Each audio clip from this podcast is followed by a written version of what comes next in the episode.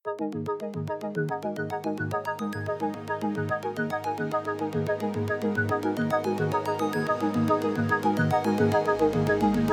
datang di podcast Pengesalan Digital, di mana saya akan membahas digital marketing dan bisnis dari perspektif yang strategik. Bersama saya, William Jakfar.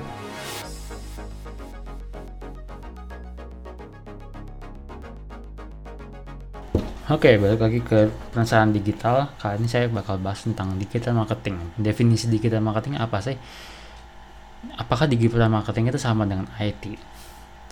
Selama ini saya kalau ditanya kerjaan saya apa, saya, selalu bilang kalau saya konsultan di digital marketing. Tapi kalau misalnya bilang digital marketing, biasanya orang selalu ngira, oh kerja di IT ya mas, oh coding coding ya mas, oh uh, bikin software ya mas. Padahal nggak kayak gitu sama sekali. Saya saya nggak pernah sama sekali bikin coding coding atau bikin software atau kerja di bagian IT masih banyak banget nih konsepsi kalau orang anggap digital marketing. Karena ada digital ya itu dikira berhubungan dengan IT padahal enggak uh, sebagai rujukan di kantor saya sendiri Skytree kami nggak punya orang IT sama sekali. Jadi uh, kantor kami itu kantor agensi digital marketing yang bisa running tanpa punya orang IT sama sekali karena kami memanfaatkan teknologi-teknologi yang sudah ada di luar sana. Jadi nggak buk, bukan nggak harus kealasan harus ngerti IT buat ngerti digital marketing dan kebanyakan justru bukan orang IT yang jadi orang digital marketing kebanyakan orang marketing yang jadi orang digital marketing. Jadi sebenarnya miskonsepsinya terjadi di sana. Padahal kalau misalnya kita telusuri baik-baik orang IT itu kan sebenarnya apa yang dipelajari sangat berbeda dengan apa yang dilakukan di, di digital marketing di IT yang dipelajari ada sistem arsitekturnya gimana um, bikin software gimana infrastruktur gimana.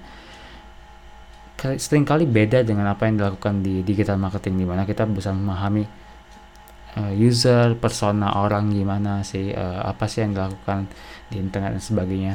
Digital marketing butuh IT nggak butuh. Jadi kita tetap butuh sebagian orang IT sih untuk let's say kayak bikin website itu ada sem semacam kemampuan teknikal yang dibutuhkan tapi nggak banyak.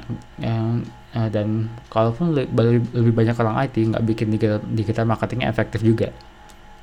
Kalau misalnya orang marketingnya lebih banyak orang IT-nya mungkin satu atau dua mungkin lebih berhasil tuh karena yang karena core-nya lebih ke marketingnya. Gimana kita memahami customer dan kita ngasih value ke sana. Gitu.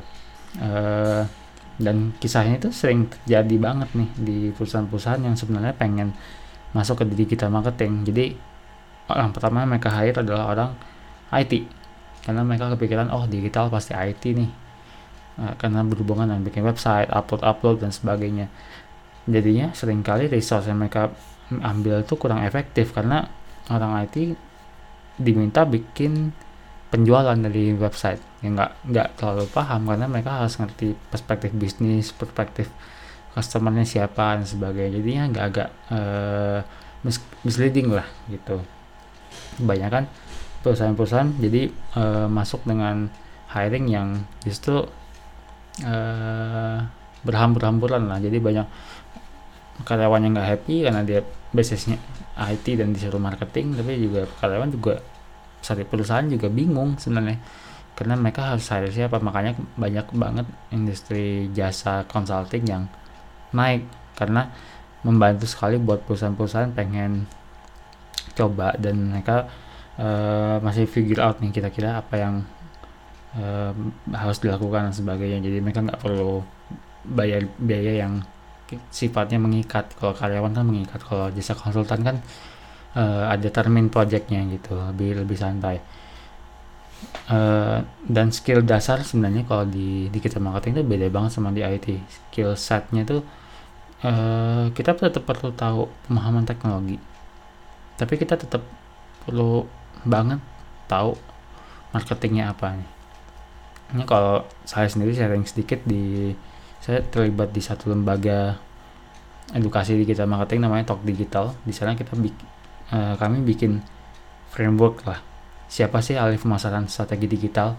Jadi kami definisikan uh, 5 skill set yang harus dimiliki oleh orang yang punya orang-orang yang klaim dirinya itu orang strategi digital marketing lah. Jadi nggak asal cuman bisa iklan doang atau bisa bikin website doang gitu. Alih strategi, strategi digital tuh kayak apa sih?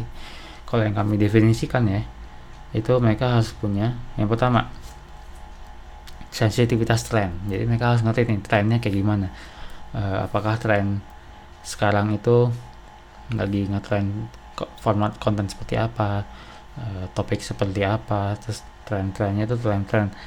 Kayak apa sih yang lagi rame sekarang? Apa sih yang bakal rame nanti gitu? Trennya terhadap marketnya seperti apa? Apa apa yang lagi mereka ikuti dan sebagainya? Mereka harus sensitif nih dengan tren-tren seperti ini. Perubahannya cepat banget nih kalau di digital apalagi uh, apa yang populer di bulan lalu belum tentu populer bulan sekarang. Uh, cepat banget pindahnya gitu. Pertama ada sensitivitas tren. Karena tren itu penting banget buat kita nentuin eh, strategi digital marketing, marketing nantinya. Yang kedua setelah kita tahu sensitivitas tren kita harus tahu nih pemahaman tentang media digital. Jadi uh, digital marketing itu ada apa aja sih sebenarnya? Bukan cuma website doang bukan cuma sosmed doang. Ada email ada iklan ada press release. Basically apa pun yang di yang ada sekarang dan bakal ada nanti itu kita harus cukup eh, sedikit banyak paham. Jadi pemahamannya tuh nggak cuma ngerti sosmed sosmed doang ngerti website website doang secara uh, silo tapi ngertinya secara holistik karena kita perlu semacam make and match lah kayak kondektor uh, konser di mana kita harus nentuin nih fungsi A itu ngapain, fungsi B itu ngapain. Sebelum kita bisa nentuin misalnya website itu untuk channel informasi doang, sosmed untuk channel konversi. Sebelum kita tahu itu kan kita perlu tahu nih pemahaman kita tentang media itu sama nggak? Apakah kita cuma tahu sosmed itu hanya Instagram doang? Kalau misalnya Instagram doang nanti, kalau misalnya Instagramnya nggak peken lagi, kita mau pindah ke mana nih?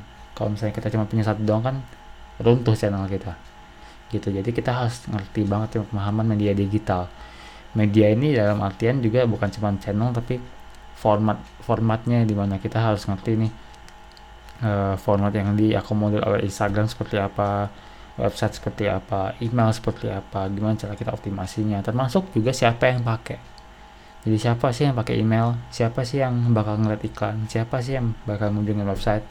Itu kita sedikit banyak harus paham loh. Karena kita bakal menyusun strategi secara gede. Gitu.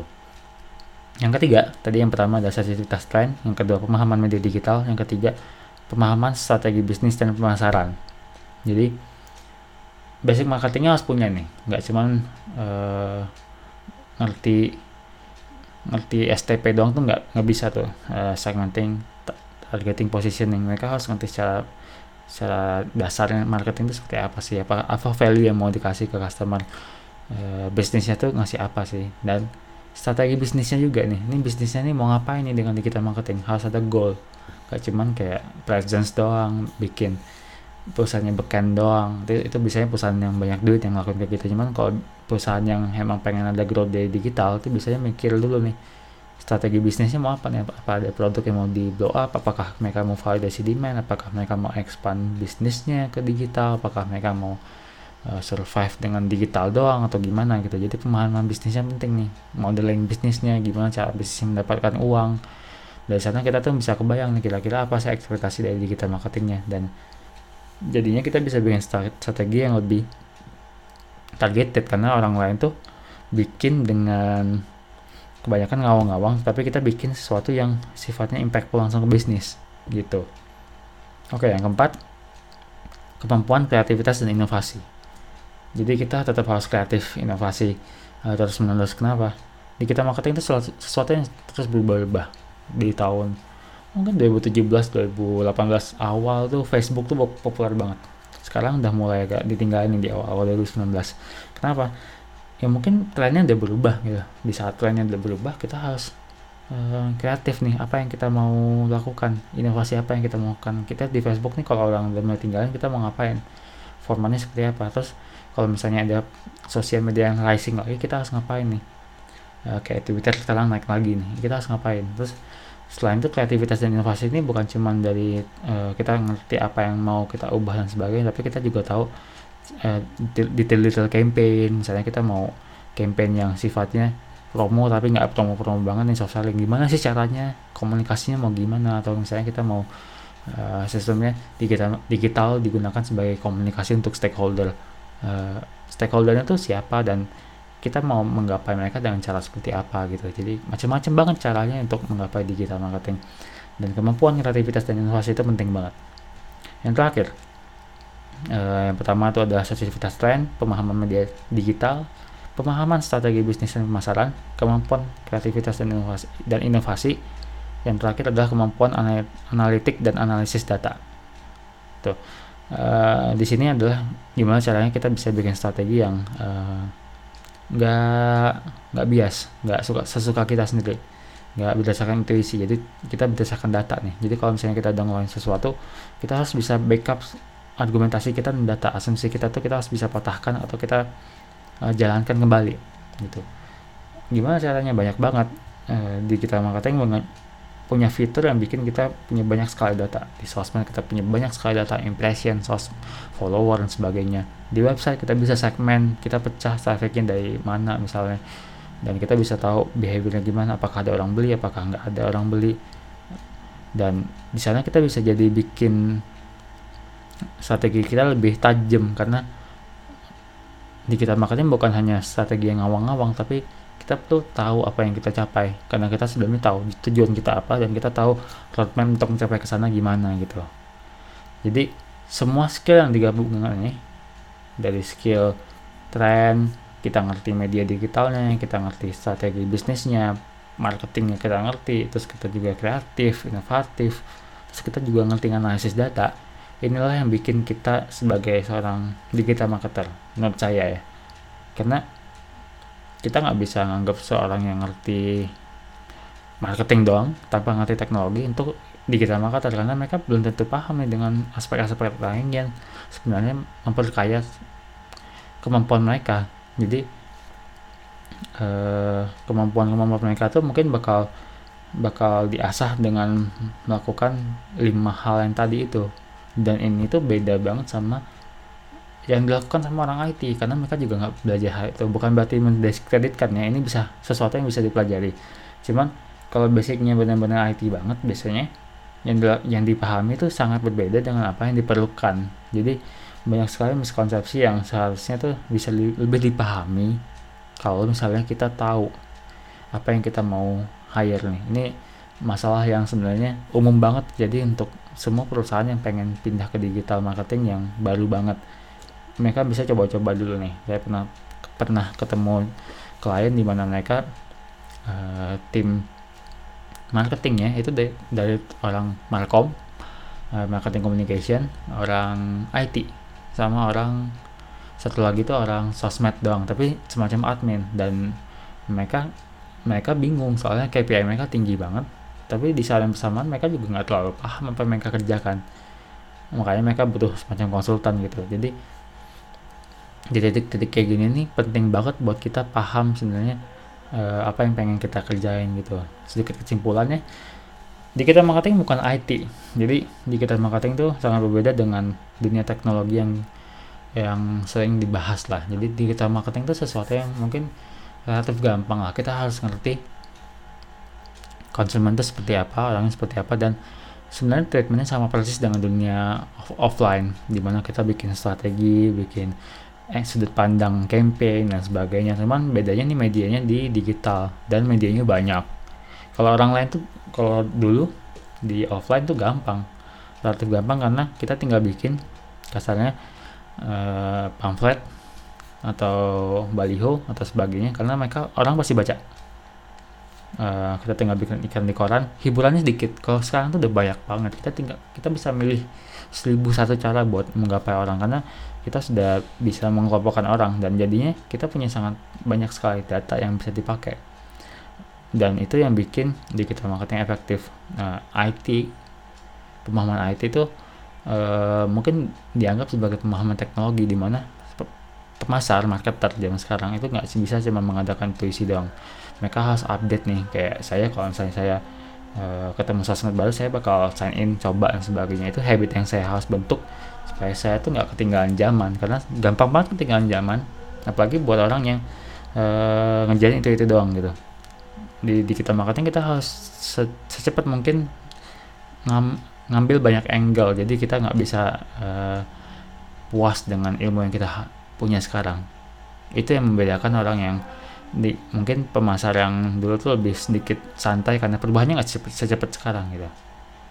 Jadi harapan saya sih gambaran seorang ahli digital marketing atau tim digital marketing itu sedikit berubah dan jadi lebih utuh karena eh, nggak uh, bisa dipandang hanya orang yang ngerti teknologi doang tapi kadang yang yang ketinggalan tuh orang yang ngerti pemasarannya orang yang ngerti produknya seperti apa orang yang ngerti brandnya seperti apa gitu dan sebenarnya skillnya tuh bukan skill yang baru-baru banget dan uh, kalau buat perusahaannya mau hiring dan sebagainya uh, kalian bisa dapat kombinasi yang pas untuk bikin ini kalian bisa kalian bisa cari rumusnya sendiri tapi yang dibutuhkan tuh kira-kira seperti ini gitu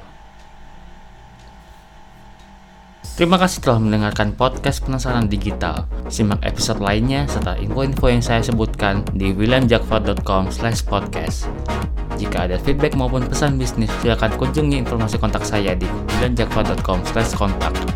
Saya William Jakfar. See you.